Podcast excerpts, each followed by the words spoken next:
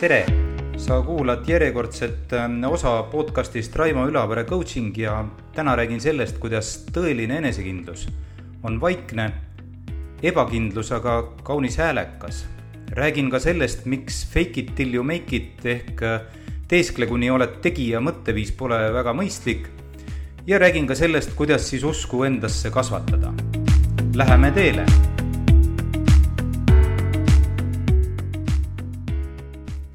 ma olen äh, aastate jooksul oma töös kokku puutunud päris hulga tippsportlastega ja olen kohanud neist äh, mitte ühte, vaid tegelikult päris mitut, kellel oli ja on äh, väga raske ära harjuda puhkepäevadega või aus olles siis ka raske on ära harjuda kergemate trennidega. trennidega, kus pole vaja olnud füüsiliselt pingutada. veel enam, mõned neist harrastasid, pane nüüd tähele, sellel on ka oma nimi, mõned neist harrastasid salatrenni. ehk tegid trenni, mida üritasid varjata treeneri eest, kes oli neile plaani kirjutanud hoopis eh, puhkepäeva või, või kergema kulgemise. kordan, tegemist oli ja on tippsportlastega, kes võistlevad eh, rahvusvahelisel tasemel. salatrenn oh, neid sportlasi küll, eks ole, tuleb pähe ja kuidas ja miks nad siis ei suuda puhata ja veidi kergemalt võtta ja, ja, ja, ja siis vaatame peeglisse ettevõtjad, juhid, spetsialistid, noh, meie kõik nii-öelda tavainimesed. oluliselt enam kui trennihulle sportlasi olen kohanud inimesi, kes lähevad puhkusele koos tööarvutiga ja vaatavad, no nagu ikka, igaks juhuks iga päev üle oma töömeilid, äkki, äkki on seal midagi tähtsat, ütlevad endale või mis puhkusele minekust me üldse räägime, kõvemad tegijad ju ei lähegi puhkusele. Isegi siis, kui see on ette nähtud ja kokku lepitud võtad nädala puhkust ja heal juhul saad oma nii-öelda parema poole esitatud ultimaatumite järel reede pärastlõuna perega tegelemiseks vabaks. see tuleb raskelt, sest noh, tead isegi, tegijad ju ei puhka. nii räägitakse mõnikord ka halvasti varjatud uhkusega tegelikult hääles, et, et, et kuidas äh, ma pole juba mitu aastat puhanud ja kuidas mul on kogu aeg nii põnev ja kiire ja ma ei hakka pikalt rääkima, tead küll, millest jutt või siis veel enam, millal sa kella viiest päriselt tööukse kinni panid? või kui hästi või, või kuidas sa vastad, kui ma sinu käest küsiksin, et kuidas sul läheb? hästi, kiirelt, eks ole. kui salatrenn tundub sportlaste puhul kummaline, veider ja ausalt öeldes veidi isegi naljakas, siis suure osa meie ülejäänute jaoks, no tege, tege päris aus olles muidugi ka sportlaste jaoks, on asi naljast üsna kaugel. Me teeme ju kõik sedasama, salatrenni või salatööd, tõsi, viimane pole mitte nii väga salajane, kuna seda on lihtsalt keeruline varjata.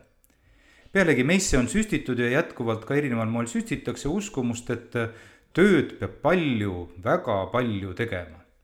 ning mitte puhkamine pole häbiasi, pigem vastupidi. inimesed, kellel on kogu aeg kiire, need on ju tähtsad inimesed. Inimesed, kelle kalendrist aga vaatavad vastu molutamise augud, noh, küllap pole teda kellelegi vaja. nüüd aga põhiküsimus, et miks me seda salatööd ähm, siis teeme, noh üldse mitte salaja isegi. sellele küsimusele oskame me ise suurepäraselt vastata. ma ei saa midagi teha, ma juba olen selline perfektsionist, on üks võimalik vastus. või siis tõdemus, et midagi pole teha, tööd ongi nii palju, tuleb ära teha ja nii haarab tippjuht laupäeval perega hommikusöögilauast tõustes arvuti ja läheb ähm, äh, korraks vaatab, mis toimub. või võtab ettevõtja pühapäeva pärastlõunal ähm, ette telefonikõned partneritele, et tšekkida igaks juhuks, kas äh, järgmise nädala tarned on ikka jõus. või neid äh, näiteid on täpselt nii palju kui inimesi, sama palju, ehkki olemuselt sarnaseid, on ka vabandusi lihtsalt korraks, igaks juhuks, see on ju töö, suure tähega töö. kallid pereliikmed, saate aru küll, mis on tegelikult tähtis ja nii edasi. kusjuures olen mina töötanud ja ilmselt on seda ka paljud äh, teist kuulajatest juhtide juures, kus kakskümmend neli seitse kättesaadavus ja valmisolek ja reageerimine on norm, õudne, aga reaalne. niisiis veel kord, miks kas päriselt perfektsionism, kas päriselt töö on tähtis, kas päriselt igaks juhuks ainult vaatan? no võib-olla. ent võib-olla on need kõik muuseas, kaasa arvatud ka sportlaste salatrennid, tõukunud ühest sügavamast nähtusest. see on enesekindlusest, õigemini enesekindluse puudumisest või vähesusest. sest enesekindlus päris enesekindlus on vaikne, sellel on oma kindel rütm ja rahulik ning selge teekond.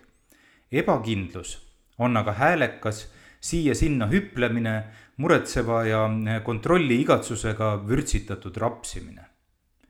Pole vast vaja hakata pikalt tõestama, et enesekindlus, õigemini usk endasse, on tulemuslikkuse, meelerahu ja lihtsalt täisväärtuslikuma elu mõttes kahtlemata parem variant parem kui kõhklemine, kahtlemine, ebakindlus, madal usk endasse. et me oleme täiesti valesti aru saanud ja see pole ainult meie endi süü, sellest, kust äh, peaks see usk endasse tekkima, millele ta tugineb ja mis teda kasvatab. ja seda vale arusaama, mis tegelikult meid enesekindlusest just eemale tassib, hakatakse meist kasvatama juba lapsest peale. veel enam, no me teeme ka seda ise oma lastele räägin siia äh, üks kõrvalpõige, ühe kõrvalpõike äh, ajaloosse või tagasivaade minevikku. kusagil üheksakümnendatel sai eelkõige USA-st alguse liikumine, mis kinnitas, et praktiliselt kõik ühiskonna probleemid, alates seal koduvägivallast kuni varastamise ja vaesuseni, on taandatavad ühele teemale, inimese vähene usk endasse täpsemalt tugines see muuhulgas ühe noh, Californiast pärit poliitiku usule, muuseas, kes oli ise läbi teinud pikaajalise teraapia eneseusuga seotud teemadel. Ja te, ja tema uskumus oli siis, et, et kui inimesed rohkem usuksid endasse, siis nad teeksid paremaid valikuid, noh, eks ole, tundub ka täitsa arusaadav ähm, ja isegi kohati mõistlik uskumus, eks ole. ja tehti ka miskit uuringuid, mis, mis ka justkui kinnitasid, et eneseusk on kohutavalt tähtis ja nii sai alguse uus moeröögatus, mis viidi kiiresti igasse eluvaldkonda ja, ja eelkõige väljendus see siis äh, hariduses ehk laste, lastega seotud tegevustes. lapsed hakkasid üksteisele kirjutama, mida nad üksteise juures hindavad. muuseas, töökollektiivides hakati juhtidele õpetama äh,, kuidas ikka rohkem tunnustada ja nii edasi. tead, tead küll, see laine on jõudnud ka meile ja, ja oled ilmselt sinagi nagu minagi kuulnud jutte, kuidas juhid tunnustavad liiga vähe ja, ja et nad võiksid seda oluliselt rohkem teha ja nii edasi ja nii edasi, see on üks levinumaid äh, kriitikaid juhtide suunal. muuseas, selle moevoolu tagajärjeks on äh, muuhulgas ka näited ja jutud äh, lumehelbekestest, sellest, kuidas nii-öelda kuulus millenniumi põlvkond on, on liiga enesekeskne, nad hoolivad vaid endast ja, ja ootavad pidevalt positiivset tagasisidet ja muu taoline. Äh, tagasi selle äh, uuringute juurde, et, et tõsi, nende uuringute puhul unustati ära märkida, et teadlased ütlesid, et, et tegelikult usk endasse on küll äh, oluline, kahtlemata on see oluline. ent seda on pagana keeruline mõõta ja mõõdetavalt mõjutada. et ähm, ainus valdkond või teema, kus suudeti seda natukene tulemuslikkusega seostada, on akadeemiline edukus ent muudes valdkondades, noh, me räägime siin tööst ja, ja, ja ka spordist ja kõigest muust, ei suudetud tegelikult mõju tõestatud ja üheselt näidata.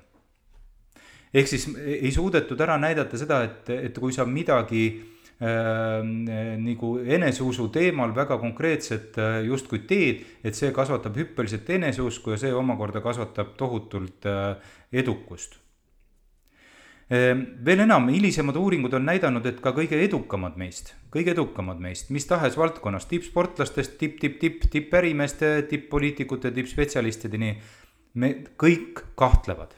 Neil, nagu meil kõigil, tuleb ette hetki, kus nad mõtlevad lõpetamisele, eemale minemisele, kus nad tunnevad end väheväärtuslikena. kõigil, sest see on osa inimeseks olemisest.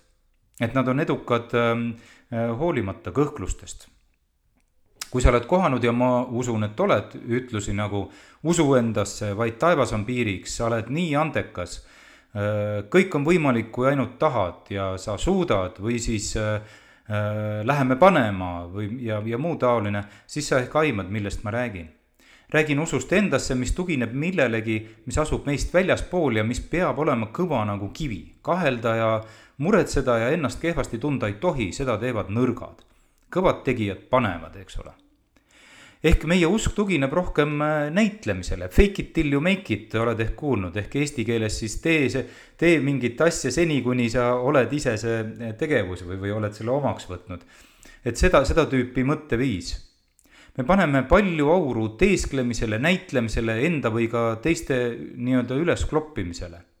ja sellest mõtteviisist saab alguse tegelikult ebakindlus ja saab alguse häälekas ebakindlus näideldes me ei keskendu tegemisele, ometi on just tegevus see, ise tegevuse tegemine peamine, mis usku endasse kasvatab.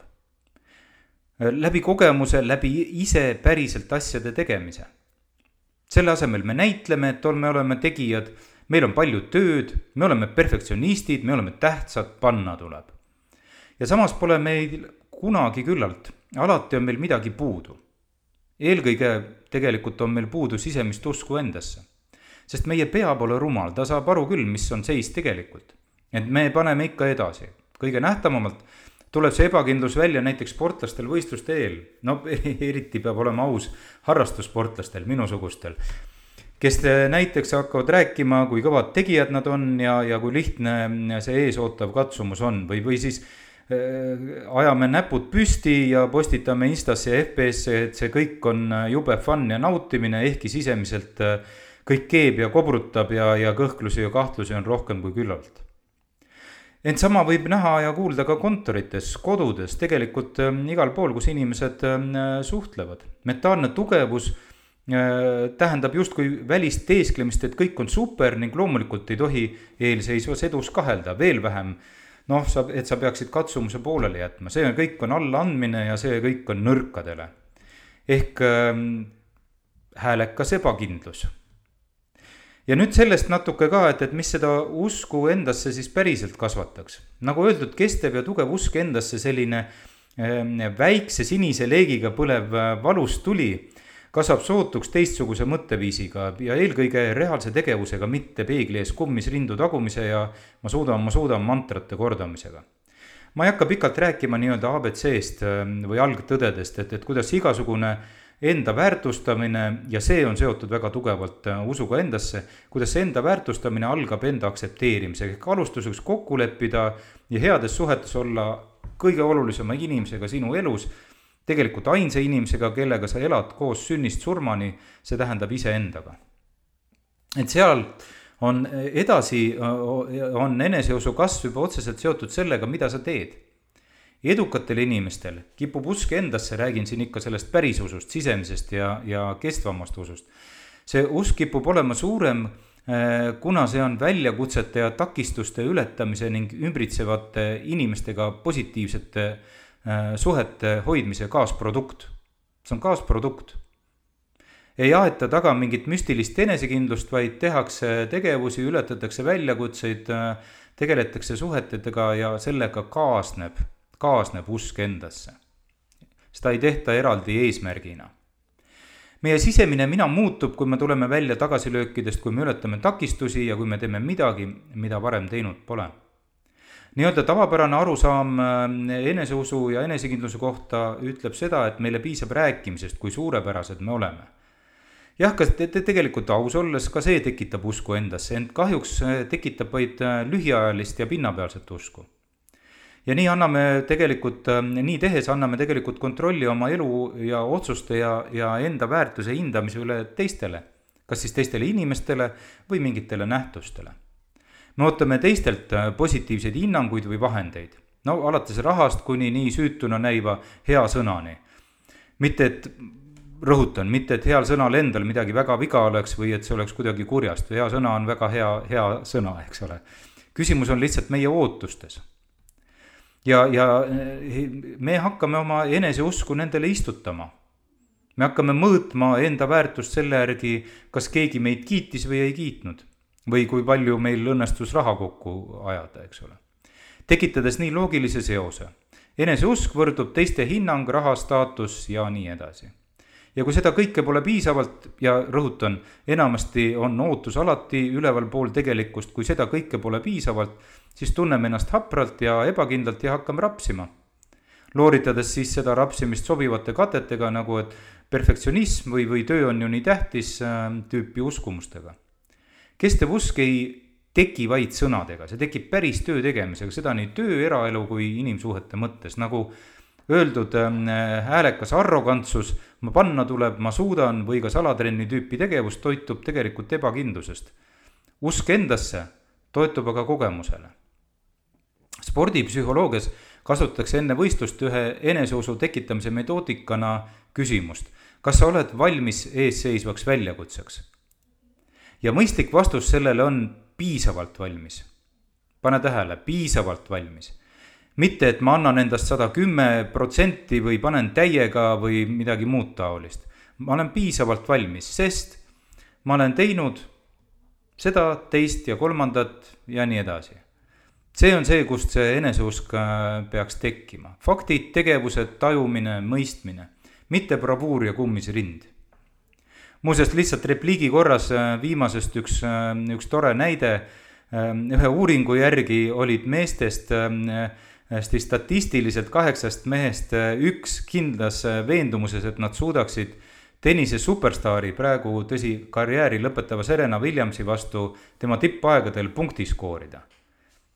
nagu siuksed tavalised äh, minusugused mehed, eks ole, aga nagu päriselt või, päriselt või? No ma ei hakkagi siin rääkima Donald Trumpist või tema kodumaistest kopeerijatest, kellel on äh, bravuuri rohkem kui küllalt ja, ja alati on võtta lihtsad ja löövad äh, lahendused keerulistele probleemidele. me ei tohiks panna kahtlemist kahtluse alla, me ei tohiks kõhklemist äh, naeruvääristada. me ei peaks isegi kõiki kahetsemisi pahaks panema, sest see pole sageli nõrkus, see võib olla ja sageli ka on tarkus. veel enam see on võimalus, võimalus küsida, kas see oli ja on ikka parim viis edasiminekuks, kas see on parim otsus ning võimalus ka sellele vastus leida, tuginedes kogemusele. haavatavus on inimlikkuse osa ning usk endasse ei tähenda kahtlemise puudumist ja silmaklappidega tormamist. sest nii võime küll tohutu roginaga läbi võsa liikuda, ent avastada ennast marraks, marraskile kistuna täitsa valest kohast. seega Pole vast hea mõtet, mõte enesekindlust teeselda, bravuurikalt endale vastu rindu taguda või ka pärast tagasilööki, olgu see spordis või töös või elus, oodata endalt ja teistelt kohest enesekindlat edasiminekut. Pole midagi, tuleb uus võistlus, on kõige hullem asi, mida enda jaoks tagasilöögiga lõpetanud sportlasele pärast võistlust öelda. kehtib ka päriselus ja tegelikult järele mõeldes, võib-olla on sellest siiski veel kehvem see, kui ütleme, et käitu nagu mees või naine, ära tönni siin jah, me mõjutame tõepoolest sellega usku endasse, kuid kahjuks me mõjutame sedapidi, et järgmisel korral inimene enam vast-, väljakutset vastu ei võta. sest see on väljakutse asemel muutunud ohuks. risk mitte olla siis jutumärkides õige mees või õige naine on liiga suur.